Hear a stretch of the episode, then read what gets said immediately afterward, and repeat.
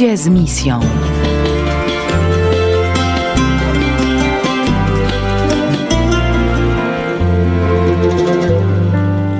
Dobry wieczór Państwu. E, to jest audycja Ludzie z misją. Wita się z Państwem Zofia Kędziora, redaktor portalu misyjne.pl i dwumiesięcznika Misyjne Drogi. E, z nami w studio jak zwykle są niesamowici goście. Będziemy rozmawiać e, innymi o formacji misyjnej, i o doświadczeniach misyjnych, e, i tym razem nie spoza Europy, ale doświadczeń misyjnych europejskich, właściwie naszych sąsiadów, dotyczących właśnie Ukrainy. O tym porozmawiamy w drugiej e, części naszego programu.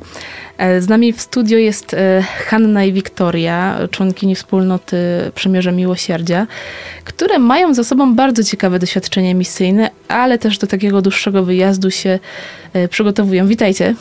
Witamy serdecznie. Jesteście teraz, przygotowujecie się w takim ośrodku w Pokrzywnie i ten ośrodek należy do Przymierza Miłosierdzia. Czy mogłybyście powiedzieć dwa słowa e, na temat tego ośrodka i jak wygląda wasza obecna sytuacja i wasza formacja? Do czego się teraz przygotowujecie? Wiktoria, jakbyś mogła powiedzieć? E, to jest nasz dom misyjny w Pokrzywnie. E, nasza wspólnota prowadzi e, domy w różnych częściach świata. Jesteśmy obecni w siedmiu krajach. W tych siedmiu krajach mamy właśnie nasze domy misyjne i nasz dom znajduje się właśnie w Poznaniu i to jest dom formacyjny. Dom formacyjny, który przygotowuje przyszłych misjonarzy, którzy zdecydowali się wejść na tą drogę misyjną na całe życie. Czyli zostawiliśmy dom, rodzinę, studia, to pracę. To jest bardzo, bardzo ciekawe, że na całe życie, bo są różne wolontariaty misyjne i czasami to jest wyjazd na miesiąc, tak jak tutaj jest na przykład na, na Ukrainę na miesiąc, ale wy rzeczywiście wybieracie taką ścieżkę już bardziej poważną. Tak, to jest e, droga powołanie. Gdzieś rozeznaliśmy też to zaproszenie, które Pan Bóg daje, e, też po różnych doświadczeniach wolontariatów misyjnych, e, które każdy z nas, który jest na formacji miał. E, część z nas była w Brazylii, część w Mozambiku. Niektórzy też byli na Ukrainie e, i właśnie po tych doświadczeniach rozeznaliśmy, że Pan Bóg zaprasza nas do tego jeszcze głębszego kroku, e, żeby oddać właśnie dla wspólnoty i później w posłuszeństwie e, naszym formadorom, przełożonym, jechać na misję tam, gdzie wspólnota będzie nas posyłać. Hania, powiedz, co się teraz dzieje w Pokrzywnie i co wy właściwie tam robicie? No dzieje się zawsze dużo. Pan Bóg jest szalony i my mamy to takie doświadczenie, jesteśmy po zesłaniu Ducha Świętego, więc mamy to doświadczenie jednym z, właśnie z filarów e, Przymierza Miłosierdzia, to jest Szkoła Ducha Świętego, więc dzieje się bardzo dużo rzeczy. E, właśnie w, tym, w ten weekend zakończyło się spotkanie e, wolontariuszy misyjnych, którzy wyjadą e, w lipcu, część do Brazylii, część do Mozambiku, do I Ruandy. to jest taki krótki wyjazd czy dłuższy? E, część to zależy od dyspozycyjności osoby. Są osoby, które pojadą na trzy tygodnie, są takie, które pojadą na przykład na trzy miesiące.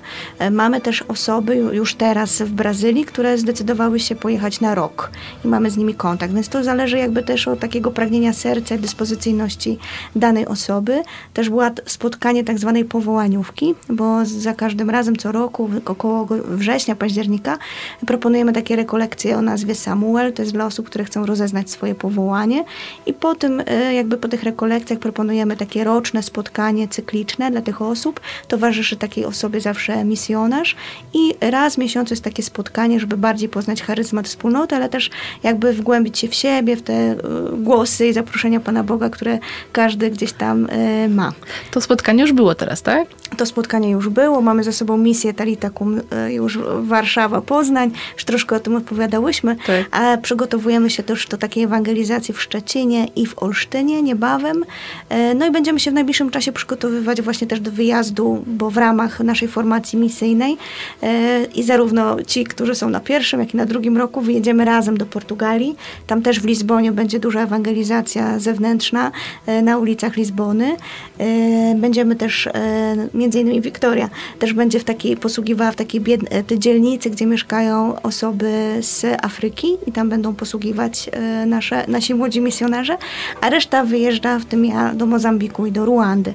A po, te, teraz też jest taki czas duży, więc prosimy bardzo Ducha Świętego o prowadzenie, gdzie misjonarze mają takie spotkania e, około dwóch, trzech tygodni, kiedy e, oni planują następne działania, czyli konkretny rok, co dalej z naszą misją, bo oprócz tego, że mamy dom misyjny w Pokrzywnie, to jest jakby to dwa w jednym, bo mhm. też jest dom misyjny, czyli te, to jest takie centrum, gdzie planujemy całą misję w Polsce, ale również w Europie, bo ojciec Pedro, który razem z nami mieszka, jest takim koordynatorem głównym misji w Europie.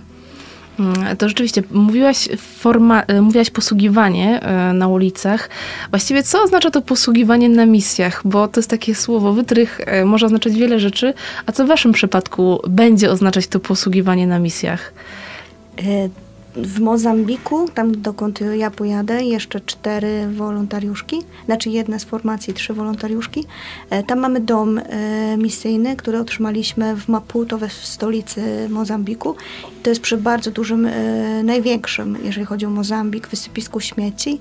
Niedaleko nas też siostry od Matki Teresy z Kalkuty prowadzą dom dziecka. I nasze zadanie będzie po pierwsze też pomagać siostrom, ale też przy prowadzeniu takiego mini ośrodka zdrowia, które już misjonarze podjęli i udało się jakby, jakby otworzyć coś takiego.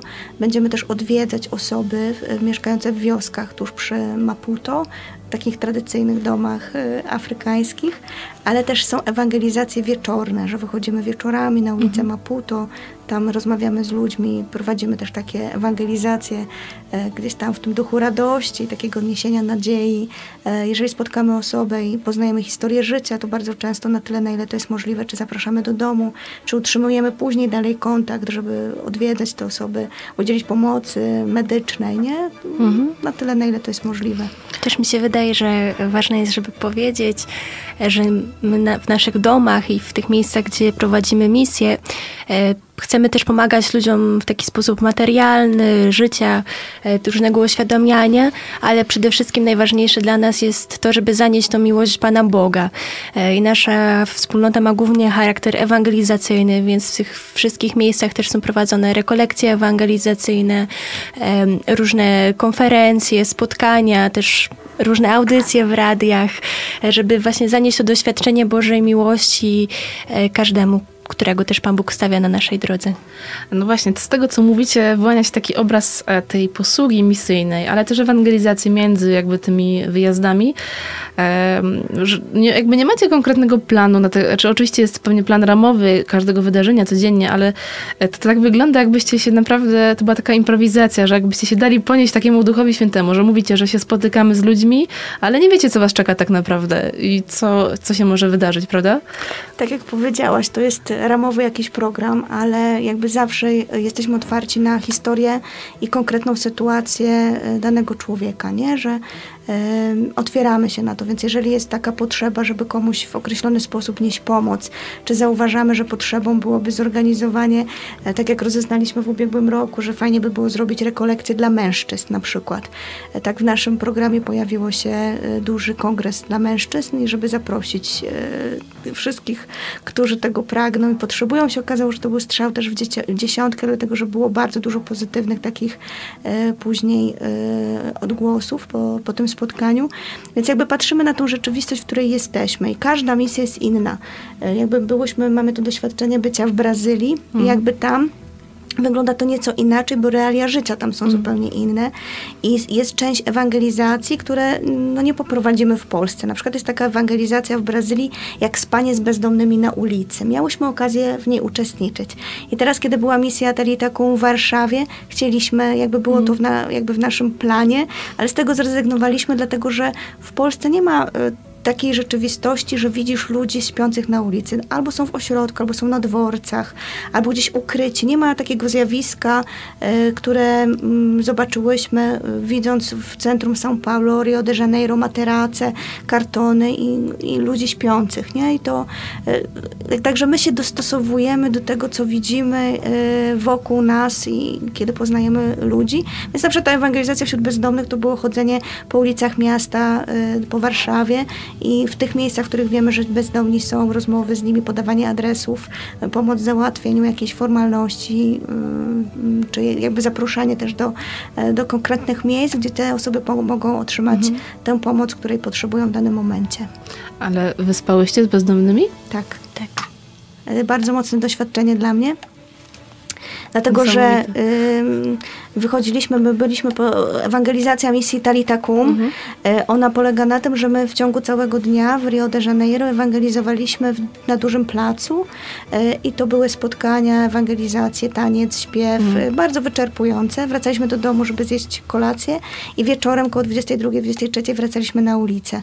I ta ewangelizacja polegała na tym, że trzeba było mieć ze sobą karton i koc i wychodziliśmy szukać bezdomnych. I to były spotkania z nimi, rozmowy, a potem był był taki moment, że rozkładaliśmy e, na ulicy nasze, e, nasze łóżka, czyli kartony e, i spaliśmy, więc dla mnie było to o tyle mocne, że spotkałam takiego mężczyznę. Przy kościele była grupa bezdomnych, oni mieli duże, duże zapasy kartonów, które zbierali przez całą noc. I on, kiedy spojrzał pewien mężczyzna na nasze kartony, to on stwierdził, ale wy nie jesteście gotowi, nie? I on w tej, e, w, w tej e, zgromadzonych zapasach, on poszukał dla nas najlepsze kartony i nam dał. Więc dla mnie e, zawsze spotkanie z osobami, które są dotknięte bezdomnością jest bardzo mocne, dlatego, że oni się dzielą tym, co w naszych oczach, tak jak, gdzie żyjemy na co dzień, możemy sobie wiele rzeczy kupić. Oni nie mają nic i z tego nic potrafią wydzielić dla nas jeszcze coś, co jest nam bardzo potrzebne. I on bardzo mocno nas wtedy też ewangelizował. Bezdomny nas, nie my jego. Mówiąc o tym doświadczeniu, takiej historii, że dzieci w Afryce e, miały konkurs, pani dała konkurs i wygraną był banan. I chłopiec, który wygrał, wziął tego banana, popatrzył na swoich kolegów i powiedział, ale to nie jest sprawiedliwe, bo nie jest dobrze, żebym ja jeden się cieszył, a reszta płakała, bo oni też są głodni. Dobrze by było mieć taką możliwość, żeby się podzielić. I myślę, że to jest taka piękna historia, mnie bardzo dotknęła, że patrząc na, nie trzeba wyjeżdżać na misję, nie? ale kiedy rozejrzymy się wokół, na naszych blokowiskach, na ulicach e, i zobaczymy, jak żyjemy, e, to kiedy otworzymy szerzej oczy, to ja mogę zrezygnować jakby z, nie wiem, z kawałka chleba i nakarmić i ja nie zbiednieję, nie będę chodziła głodna, ale mogę też nakarmić tego, kto żyje obok nas, nie? I na przykład miałam takie doświadczenie tutaj też w Poznaniu, niedaleko na osiedlu Rusa, Lecha, nie pamiętam, E, jest pewna pani Basia, która jest osobą bezdomną od ponad 20 lat. E, spotkała ją pewna grupa osób e, i była zima, ona strasznie marzła i udało się załatwić dla niej przyczepę tą przyczepę podłączyć. Proboszcz parafii zgodził się na to podłączyć do prądu i ta pani przez okres zimy mieszkała w tej przyczepie i pewne osoby do niej przychodziły i nie wiem, zabierały rzeczy do prania, ktoś gotował dla niej obiad i nie trzeba było robić wielkich rzeczy, nie potrzeba było mieć dużych środków finansowych. Wystarczył mały gest, żeby komuś ocalić życie, bo ona, jak opowiada historię, była świadkiem wielu śmierci na ulicy, nie? Wielu napaści, też jakiegoś gwałtu, więc ta rzeczywistość, e, no, no trudno nam sobie wyobrazić, jak bardzo niebezpieczne jest to życie na ulicy, e, z czym walczą te osoby i myślę, że nie można patrzeć przez pryzmat tego, że one są pijane, bo tak często też oceniamy, ale z jakiegoś powodu one piją, czy dzieci wąchają klej. To zawsze jest uśmierzenie bólu, zimna, głodu, żeby nie czuć głodu na przykład. E, to jest taki sposób radzenia sobie z tą sytuacją, która się wydarzyła. I wśród bezdomnych jest też wiele osób, które mają, miały kiedyś pracę, nie wiem, adwokaci, lekarze. Także czasami są osoby, o których nawet byśmy nie pomyśleli, że mamy jakiś taki e, schemat myślenia o bezdomnych, a to jest zawsze konkretna historia życia, mocna historia życia, w której kiedyś wydarzyło się coś, co sprawiło, że ta osoba stała, e, została no, tak, w takiej, a nie innej sytuacji. I też ja po tym doświadczeniu w Brazylii pomyślałam sobie, że, że ja w każdej chwili też mogę być bezdomną. Że to nie. Też z tego wszystkiego, co, o czym Hanna opowiada, e, bardzo mocno też się wyłania jedna z naszych szkół we wspólnocie, której już wcześniej e, Hania wspomniała, że nasza duchowość opiera się na czterech szkołach. Szkoła Słowa, Szkoła Maryi, Szkoła Ducha i Szkoła Ubogiego. I właśnie od Ubogiego chcemy się uczyć tej prostoty i tego, żeby nie mając nic, e, zauważyć to, że ja mam wszystko i tej prostoty, tej czystości w ofiarowaniu siebie wtedy, kiedy ja nie mam nic. E, to, co, o czym mówicie, są bardzo mocne doświadczenia i myślę, że nie wiem, czy każdy by był gotowy na coś takiego. Więc stąd takie moje pytanie, y, kto może w ogóle zostać takim misjonarzem? Kto może, y, oczywiście kto chce, ale jakie trzeba mieć predyspozycje do tego, albo czy w ogóle trzeba mieć takie predyspozycje, bo to są mocne doświadczenia. Nie wiem, czy ja bym mogła spać z bezdomnymi na ulicy, czy bym się na to odważyła w ogóle. E, kto może takim misjonarzem zostać? Myślę, że pierwszym kryterium, takim najważniejszym jest otwartość na łaskę Pana Boga, bo y, tak naprawdę do, na formacji są przyjmowani wszyscy chętni. Y, ale to no nie każdy ma tą taką dyspozycyjność, ale też to jest zawsze takie rezygnowanie z siebie, nie? że patrząc na te nasze doświadczenia, ja na przykład odkryłam, jak wielką egoistką jestem, jak dużo dla mnie znaczy komfort, wygoda, zabezpieczenie. E, więc kiedy weszliśmy na formację i e, masz na przykład dwie, trzy, trzy półki w szafie, i nie masz, nie masz gromadzić, nie masz się zabezpieczać, tylko zostawiasz to wszystko i my żyjemy w, ogólnie z opatrzności, e, przymierze miłosierdzia, e, z tego, co otrzymamy od Pana Boga, od innych. My nie mamy swoich środków finansowych, nie mamy telefonów. Są w domu misyjnym naszym telefony, ale to, jest, to nie jest tak, że ktoś z nas ma swój telefon. Jest, na przykład jest nas 16, którzy tam mieszkamy, na przykład jest 8 telefonów, no i się dzielimy tymi telefonami, Chciałam się, jak się umawialiśmy na tę audycję, to też y, to była kwestia tych telefonów, nie? Tak. Wysłać SMS-a i poczekać, kto odczyta to, nie? Tak. To te, czasem bywa i tu też tego, myślę, doświadczyłaś, że z nami się umówić, w sensie takim, że można, ale nie, to nie jest w tym czasie, kiedy akurat my chcemy, nie? E, I to jest mocne doświadczenie i, i jakby... Ktoś, kto chce wejść na tą drogę, to nie każdy jakby kontynuuje z uwagi na te trudności w takiej rezygnacji z e, pewnych rzeczy też jest y, pewna droga, którą kandydat musi przejść do tego, żeby zostać przyjęty. Tak jak Hania powiedziała, że na formacji można przyjąć wszystkich, ale też ten czas wejścia na formacji e, poprzedza e, czas rozeznania. E, I na przykład właśnie to spotkanie powołaniowe, które odbyło się w zeszłym w zeszły weekend, to właśnie ta droga powołaniowa to jest e, ten czas, kiedy przez rok czasu e, osoby rozeznają, poznają bliżej charyzmat, wspólnotę, życie, jak to wszystko e, ma wyglądać. I my z Hanią obie miałyśmy takie doświadczenie, że zanim weszłyśmy na formację, to mieszkałyśmy przez rok w domu misyjnym właśnie w Pokrzywnie w Poznaniu, na takim wolontariacie, żeby rozeznać to powołanie, to co Pan Bóg gdzieś budził w sercu, żeby zobaczyć to życie, e, bo życie we wspólnocie nie jest życiem łatwym i e, wiele też się uczymy. Też trzeba, często ja zaczęłam, jak bardzo jest, chcę być niezależna, a to właśnie jest życie w posłuszeństwie wobec przełożonych, formadorów, też e, wobec sióstr, braci, z którymi mieszkamy, więc cały czas uczymy siebie nawzajem i to jest takie piękne móc umierać dla, dla drugiego po to, żeby inny miał życie. I to też jest taki rodzaj, tak czasami starsi misjonarze to określają, heroi, heroicznego życia. Mhm. E, I część osób nie, jakby nie wytrzymuje tego, bo nasze życie jest takie podporządkowane, znaczy podporządkowane. Kiedy przychodzi ktoś do domu, to dla nas najważniejsza jest ta osoba. I też jest dużo bardzo podróży, więc jak ja byłam na tym momencie wolontariatu i co weekend, w piątek pakowałam walizkę i wracałam późno w niedzielę.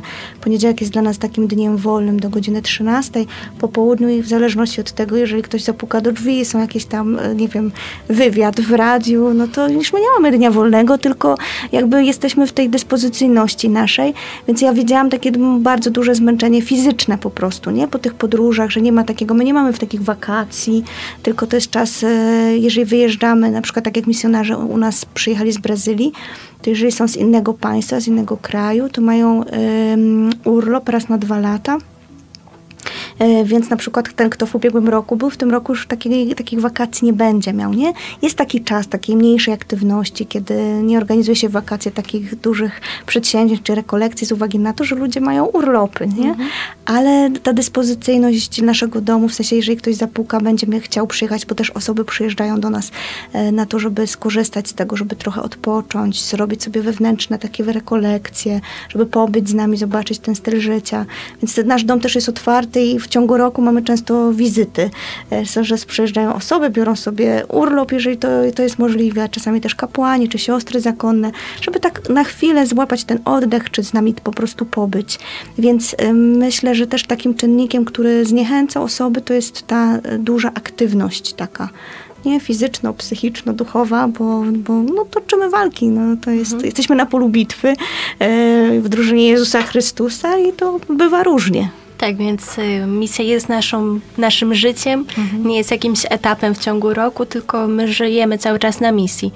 Y, nawet wtedy, kiedy jesteśmy w Polsce, wtedy, kiedy jesteśmy poza Polską, ale nasza wspólnota normalnie w Polsce prowadzi misję, więc misjonarze z Brazylii przylatują na misję do Polski.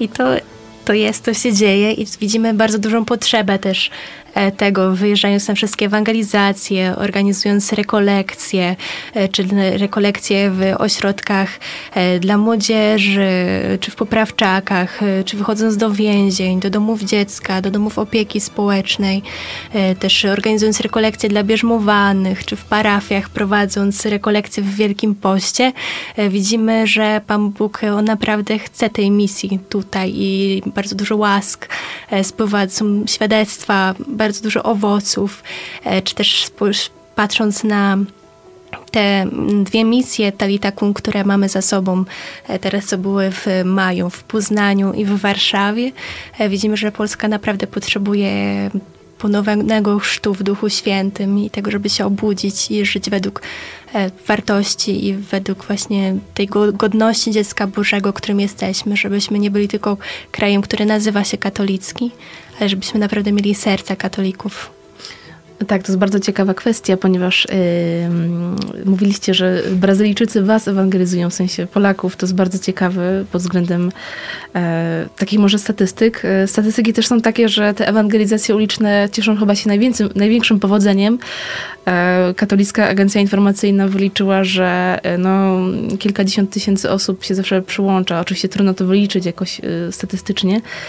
Także no, to jest rzeczywiście taka potrzeba. W poprzednich audycjach właśnie o tym rozmawialiśmy. Rozmawialiśmy właśnie o tej misji Gdarita Kum i misji Drogi Neokatechumenalnej. Zachęcam Państwa, żeby odsłuchać. Wszystko można odsłuchać na YouTubie, na kanale misyjne.pl. Ostatnie pytanie dla Was. Powiedzieliście o tych spotkaniach powołaniowych, one się odbywają co miesiąc. Jedno już się odbyło, a kiedy będzie następne? To znaczy w tym momencie jakby zamykamy cykl tej drogi powołaniowej w tej edycji, jak to nazywam, jeszcze we wrześniu będzie jedno ostatnie spotkanie, ale będą rekolekcje Samuel, które jakby otwierają tu drogę na pewno jesienią więc będzie można, y, kto jest zainteresowany ze słuchaczy, to na stronie przymierzemiłosierdzia.pl myślę, że pojawia się informacja o tych rekolekcjach, nazywają się Samuel.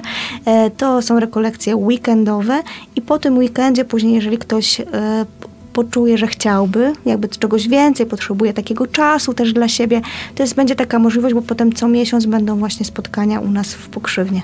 Bardzo Wam e, dziękuję za to Wasze świadectwo.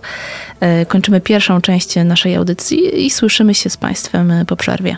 Dziękujemy, Dziękujemy bardzo. bardzo. Wszystkiego dobrego.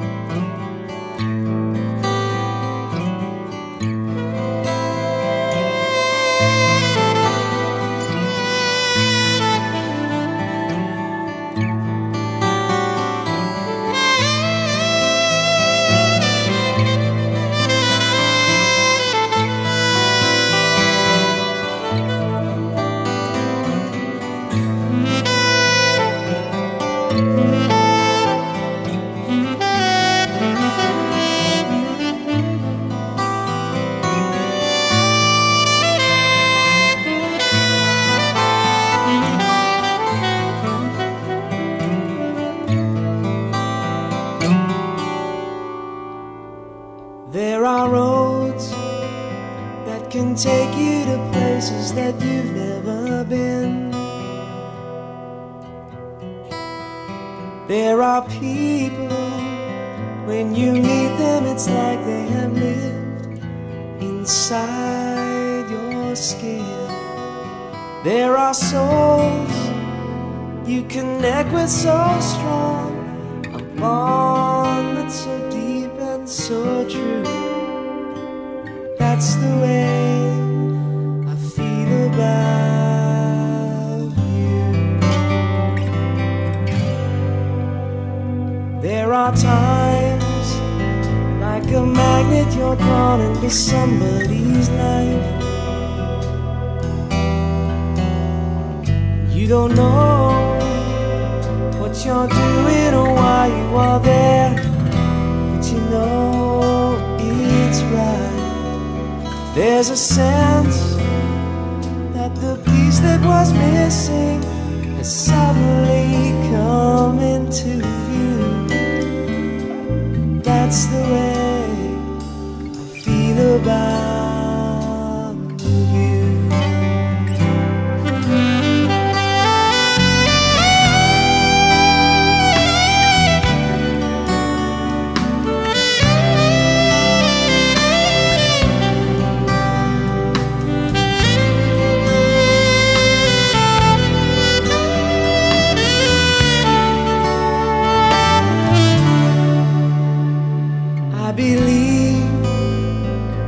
this world there is nothing that happens by chance.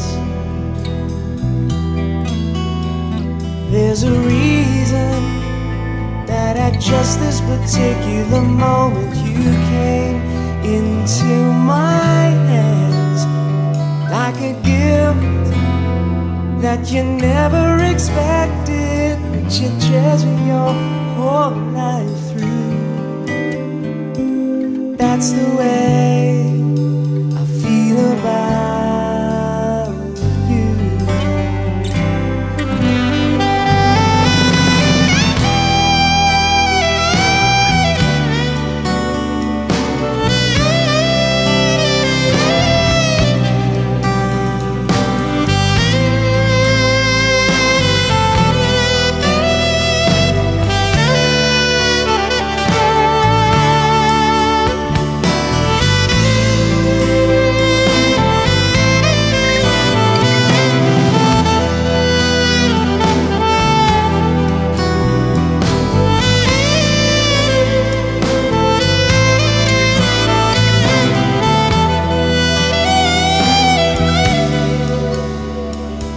sense that the piece that was missing has suddenly come into view.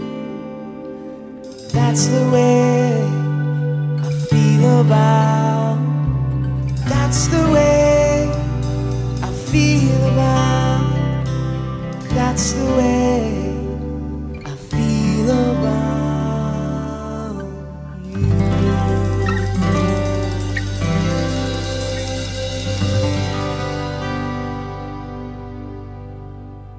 Dobry wieczór Państwu. Y, Słyszymy się ponownie po przerwie w naszej audycji Ludzie z misją. W naszym studio są już tutaj inni goście, Piotr i Marta. Cześć. Witajcie. Witamy. Cześć, cześć. Ym, Piotr i Marta mają nieco inne doświadczenie niż Hanna i Wiktoria, które przed przerwą mówiły o swoim doświadczeniu pracy misyjnej pozaeuropejskiej e, i swoich przygotowaniach do większego wyjazdu. Piotr e, i Marta ym, mają za sobą doświadczenie ym, pracy tutaj w Europie, na Ukrainie. E, Powiedzcie, ym, pochodzicie z wolontariatu tutaj ze środowiska poznańskiego, prawda? To znaczy tak, nasz wolontariat podlega głównie Chrystusowcom i stąd właśnie wiąże się odmienny cel mm, naszego wolontariatu. Tutaj przede wszystkim za, wolontaria, za wolontariuszy i cały wolontariat na Ukrainie odpowiedzialny jest ojciec Jerzy Molewski, który co roku swoim, swoją postawą, uśmiechem zawsze nas podtrzymuje na duchu, byśmy tam nie podupadli i zawsze nas wspiera. Tak, i generalnie wolontariusze są z całej Polski, ale w zeszłym roku akurat najwięcej osób pojechało z Poznania. Tak, dlatego możemy być dumni, że Poznań jako ten ośrodek metropolitalny tutaj to również może się podszczycić tym najwyższym, jednym z najwyższych odsetków a, tych, tych ludzi, tej młodzieży Tak, na na wolontariacie. Mm, Powiedzcie, to jest bardzo ciekawe. Wolontariat może się nam kojarzyć właśnie z Afryką, z Mozambikiem, e, może chyba rzadziej z Europą i z Ukrainą. E, Powiedzcie, co robiliście na Ukrainie e, i jak długo tam byliście e, I po co tam pojechaliście, Marta?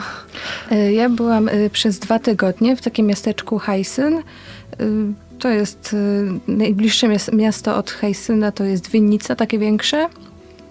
Mieszkaliśmy tam przy parafii i generalnie zadania były różne, myślę, w zależności właśnie od potrzeby parafii. A, czyli A, podlegaliście bezpośrednio jakby... Mm, tak, byliśmy do dyspozycji lokalnej. parafii, mhm. tak, tak. Ale takim y, głównym zadaniem naszym było, y, prowadziliśmy zajęcia z języka polskiego. Y, oczywiście celem też było pokazanie takiej naszej kultury polskiej, Oczywiście. Tam jest dużo Polaków, prawda? To, to jest... Tak, tak. No z pochodzeniem, prawda? Mówiliście po rosyjsku czy po polsku? To jest bardzo ciekawe. No właśnie po polsku. Ja nie, nie umiem ukraińskiego i jakoś, jakoś dogadywaliśmy się. Tak, i właśnie prowadziliśmy zajęcia dla dzieci dla dorosłych. Y, a w, jeszcze takim dodatkowym zadaniem w drugim tygodniu, w którym byłam, były takie półkolonie organizowane właśnie przez parafię dla dzieci z miasta. No i byliśmy tam opiekunami na tych półkoloniach. Mhm.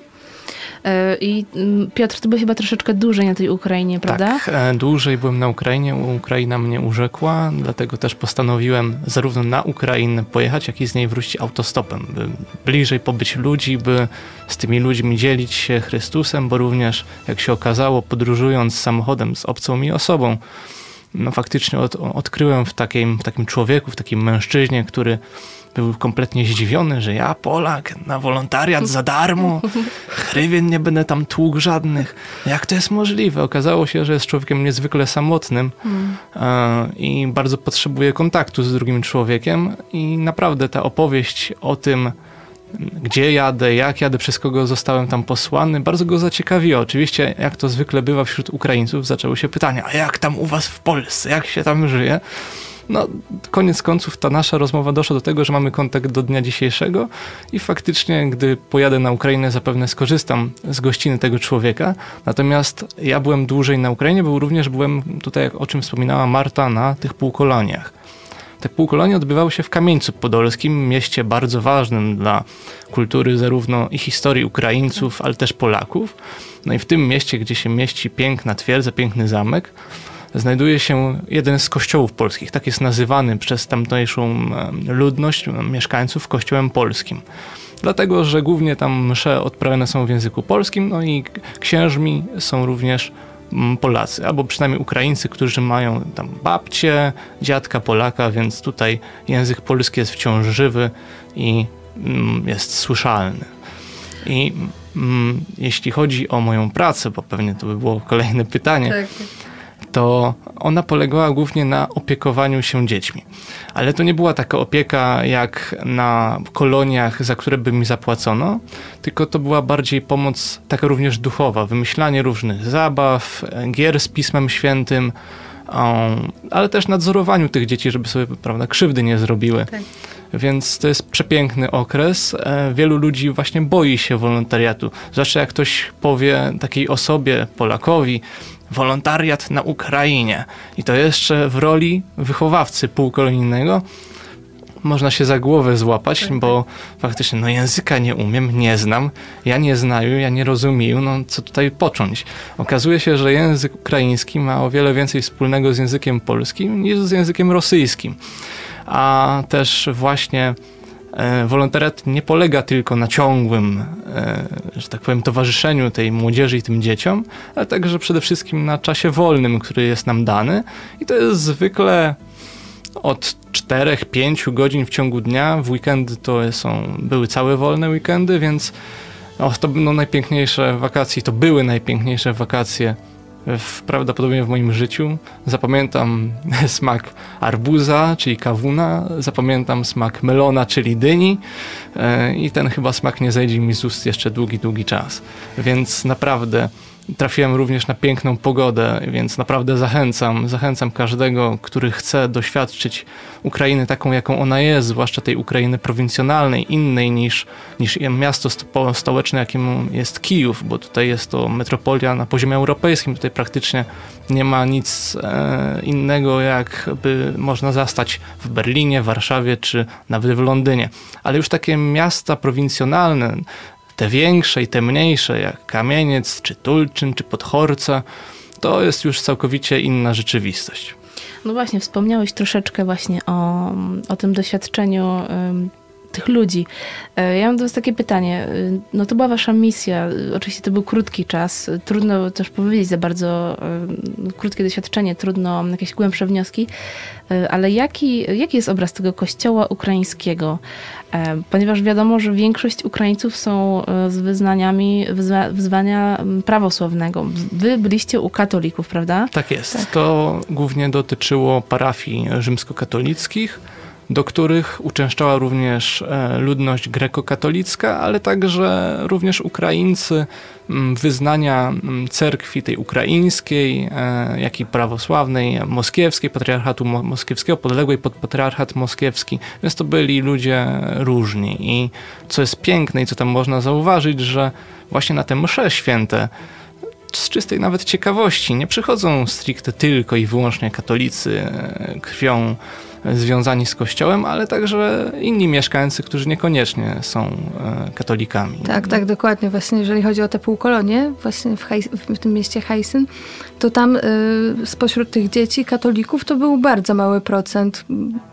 Nie wiem, w stosunku do, do, do reszty, a, a wszyscy y, chodzili razem z nami do kościoła się modlić i, i to było myślę, że piękne, że, że też ten właśnie kościół nasz y, rzymskokatolicki też nie rozgraniczał, nie, nie przyjmował tylko katolików, lecz, lecz nikt nie pytał nikogo jakiego jest mhm. wyznania, lecz, lecz to wszystko, wszystko y, razem tak działało. Taki ekumenizm. No właśnie, to jest, to jest coś, co budzi nadzieję trochę, jeśli chodzi o tą, y, patrząc na misję na Ukrainie katolicką.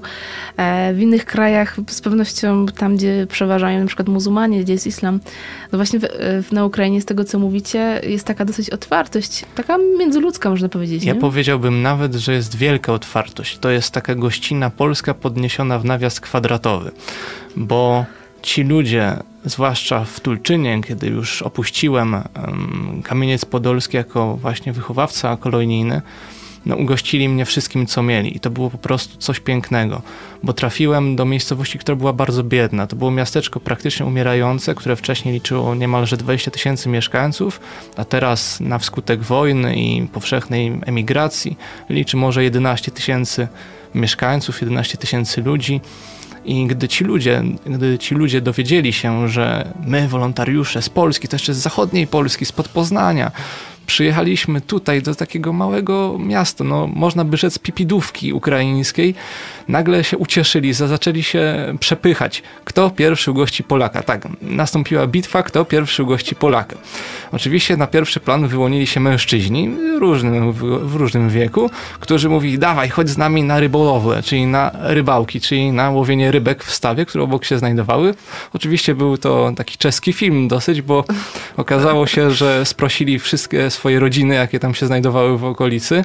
To był taki właśnie czeski film. Wszyscy przyjechali Żyg Żyguli, czyli, czyli takimi postsowieckimi konstrukcjami samochodów, e, ładami różnego typu. Rozstawili stół taki słowiański nad tym stawem. Wyciągnęli oczywiście matuszkę, flaszkę i prawda, zaczęli chodź, chodź Polak, spróbuj mojego. To nie jest kupny, to mój dziadek robił, a ty wiesz, że mój dziadek jest Polakiem? Jejku, ty tam gdzie chodzisz do Poznania? Katolik jesteś, wow, super. No mój dziadek też był katolikiem, ale ja się ożeniłem, to już kurczę chyba nie jestem, ale chodź spróbuj mojego. Nie, jego nie próbuj to on nie potrafi robić, o tam się zatrujesz, chodź, chodź, chodź do mnie, spróbuj mojego. No jak tak człowiek, prawda, zapoznał się z tymi ludźmi, wypił z niejednej flaszki jeden łyczek, no to faktycznie ta gościna zrobiła na mnie pronujące wrażenie. Oczywiście nie dotyczyło to oczywiście takiej tylko, że imprezy, takiego uczystego powitania, ale to było także czysta serdeczność tych ludzi. Jedna z dziewczyn, którą uczyłem, tak bardzo zafascynowała się językiem polskim, że postanowiła mnie zaprosić do siebie do domu. Ten dom no, był bardzo biednym domem. E, jeśli można by to porównać, to jest taka wioska w klimacie domów drewnianych dzisiejszego Podhala, tylko że gorzej utrzymana. No i tam w takim małym e, pokoju, faktycznie mieszkając z, mam, z mamą, z matką, ta dziewczyna ugościła mnie wszystkim, co miała. Dała mi kiełbasy, dała mi powidę na drogę, błogosławieństwo i mam z nią również kontakt do dzisiaj. Dzisiaj bardzo pięknie włada językiem polskim. Tak się wzięła za siebie i tak skorzystała właśnie z tych lekcji języka mm, polskiego prowadzonych przy parafii, przy jednej z parafii, że włada tym językiem dzisiaj praktycznie tak jak ja.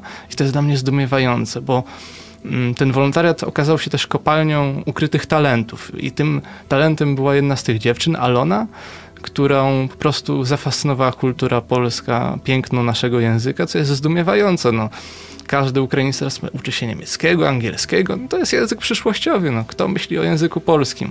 A się okazało, że jednak tak. I okazało się również, że ta rodzina od strony brata ciotecznego no, jest, ma, ma w sobie krew polską, a więc, mm, a więc to nie są czyści tacy Ukraińcy. I to właśnie zauważyłem też, będąc tam w Tulczynie, że gdzie się nie rozejrzałem, to widziałem ślady polskości. Oczywiście ci ludzie już słabo mówili po polsku, bo praktycznie w ogóle.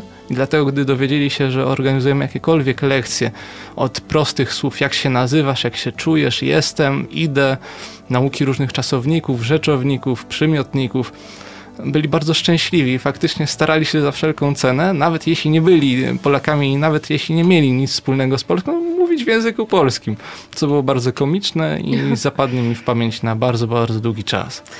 No właśnie, to, to społeczeństwo niezwykle otwarte, mm, ale głównie interesuje mnie też ten wątek religijny, ponieważ yy, mówisz Marta, że nie przeszkadzało to osobom, że tak powiem, innych obrządków, czy też nawet, e, czy z prawosławia przychodzi na tę mszę katolicką. Yy, bardzo mnie to ciekawi, jak to wyglądało. Znaczy, ci ludzie po prostu przychodzili się pomodlić, czy rzeczywiście uczestniczyli w tych sakramentach? E, I w ogóle jak wyglądała ta taka korelacja między katolikami i prawosławnymi, bo, bo nie zawsze chyba w każdym rejonie tak jest, że tak żyją zgodnie ze sobą. E, znaczy, wydaje mi się, że może to wynika z tego względu, że dużo, e, tak jak już Piotr wspomniał, ludzi w tym mieście miało przodków, Polaków, tak więc ten katolicyzm gdzieś tam już się przewijał w, w pokoleniach poprzednich. Tak więc często oni, y, ci ludzie tam y, są prawosławnymi teraz, aczkolwiek jakieś tam korzenie te katolickie mają. Także może stąd wynika ta ich otwartość. Mhm, no szczególnie przy tych terenach właściwie blisko Polski tak naprawdę, bo to jest tak, jakby zachód tak. Ukrainy, ale dawne wschodnie tereny Polski, także no przed, przed wieloma laty tak naprawdę rzeczywiście tam Polacy mieszkali. Tak. Mm. I właśnie e, z tą historią wiąże się dzisiejszy wolontariat i dzisiejszy wizerunek, może nie kościoła, jak powiedziałeś, ukraińskiego, tylko kościoła rzymskokatolickiego na Ukrainie, bo to jest całkowicie co innego. Ja akurat jestem historykiem z wykształcenia, A. więc to jest po części mm, moja profesja i e, mogę coś o tym powiedzieć, bo Dzisiejszy kościół katolicki na Ukrainie wygląda strukturalnie bardzo słabo, jest bardzo słabo rozwinięty. To ma oczywiście głębokie korzenie w historii, historii nie tak dawnej, nie tak odległej, bo przecież większość z nas kojarzy albo coś wie więcej, mniej o Stalinie czy jego poprzedniku Leninie, o czasów e, komunizmu, w tym komunizmu wojennego w Związku Sowieckim. E, więc historia Kościoła katolickiego na krótki moment skończyła się w latach 30. To nastąpiło w 1937 i 1938 roku, kiedy rozpoczęła się tak zwana Operacja Polska. Była to jedna z operacji wyeliminowania fizycznego Polaków, a zwłaszcza katolików, bo Polaka utożsamiano z katolikiem. Raczej katolikiem nie był Ukrainiec, nie był ktoś, kto nazywał się Godman, tylko to był pan Kowalski, pan e, Hermaszewski i tak dalej. E, była to akcja czystej eliminacji Polaków, e, no, którą objęło około którą akcja to objęła około 111 tysięcy osób. Bardzo Więc to była jedna czwarta, ponad jedna czwarta wszystkich Polaków mieszkających na terenie całego Związku Sowieckiego, a szczególne spustoszenie ta akcja wywarła na Kościół znajdujący się właśnie na tych tak zwanych kresach e, II Rzeczpospolitej, ale także kresach naszej pierwszej Rzeczpospolitej. Tutaj nawet dochodziło do takich e, momentów, że oprawcy właśnie OGPU, mm, ale także w ogóle funkcjonariusze bezpieki szukali Polaków po spisach w książce telefonicznej, po nazwiskach. I nieważne, czy ktoś nazywał się na przykład Kowalski, ale powiedzmy był półrusinem i bardziej identyfikował się z kulturą ruską, został całkowicie rozstrzelany. I właśnie Kamieniec Podolski, jak i Tulczyn są dzisiaj smutnymi pomnikami historii bo zarówno na przykład w Kamieńcu Podolskim, jak i w Tulczynie, w ratuszu, ale też w kościele, w kościołach, w podpiwniczeniach tych kościołów rozstrzeliwano tych ludzi. I wielkie szczęście miał ten, który faktycznie dostał tą kulkę w głowę, bo najczęściej mordowano przy pomocy młotka, przy pomocy tępych narzędzi. I co jest zaskakujące dla mnie, te mordy kontynuowano aż do końca e, istnienia Związku Sowieckiego, bo na przykład w kościele ormiańskim w Kamieńcu Podolskim, gdy przeprowadzono ekshumację, odkryto tam ciała e, ludzi, którzy nosili ubiór typowy dla lat 80., więc to jest straszne. I ten kościół katolicki został wręcz przetrzebiony, został zniszczony, spalony, splugawiony, opluty, zniszczony. Te budynki e, kościołów, klasztorów, zakonów, które się ocalały, albo były przemianowane na tak zwany Muzeum Ateizmu. To mhm. jest takie muzeum, które miało przypominać e, obywatelom sowieckim o dawnych czasach. No, zwykle szydzono z tego typu rodzaju mhm. muzeów miejsc, ośmieszano mhm. właśnie Boga, Chrystusa. No i e, te kościoły, które pięknie się dzisiaj zachowały na Ukrainie, to za, zazwyczaj miały ten status tego muzeum. No gorzej jest z parafiami, z kościołami, które mm, przemianowano na jakieś magazyny, czy to zboża, czy to cementu, wapna. Wyglądają po prostu okropnie, jak jakiś podły magazyn e, w jednej z hal cegielskiego tutaj w Poznaniu. Jest to po prostu opłakany stan. I właśnie wolontariusze często trafiają do takich kościołów, kościołów, na których remont nie ma po prostu pieniędzy. Jeden z księży, z e, którym właśnie rozmawiałem i który sprawował taką opiekę również duchową nade mną jako nad wolontariuszem, powiedział mi, że tutaj kościół ten lokalny w małych miejscowościach żyje z żebrów czyli idą na żebry. Na żebry głównie do Polski, zbierając na tacy, e, wygłaszając homilie itd., tak itd.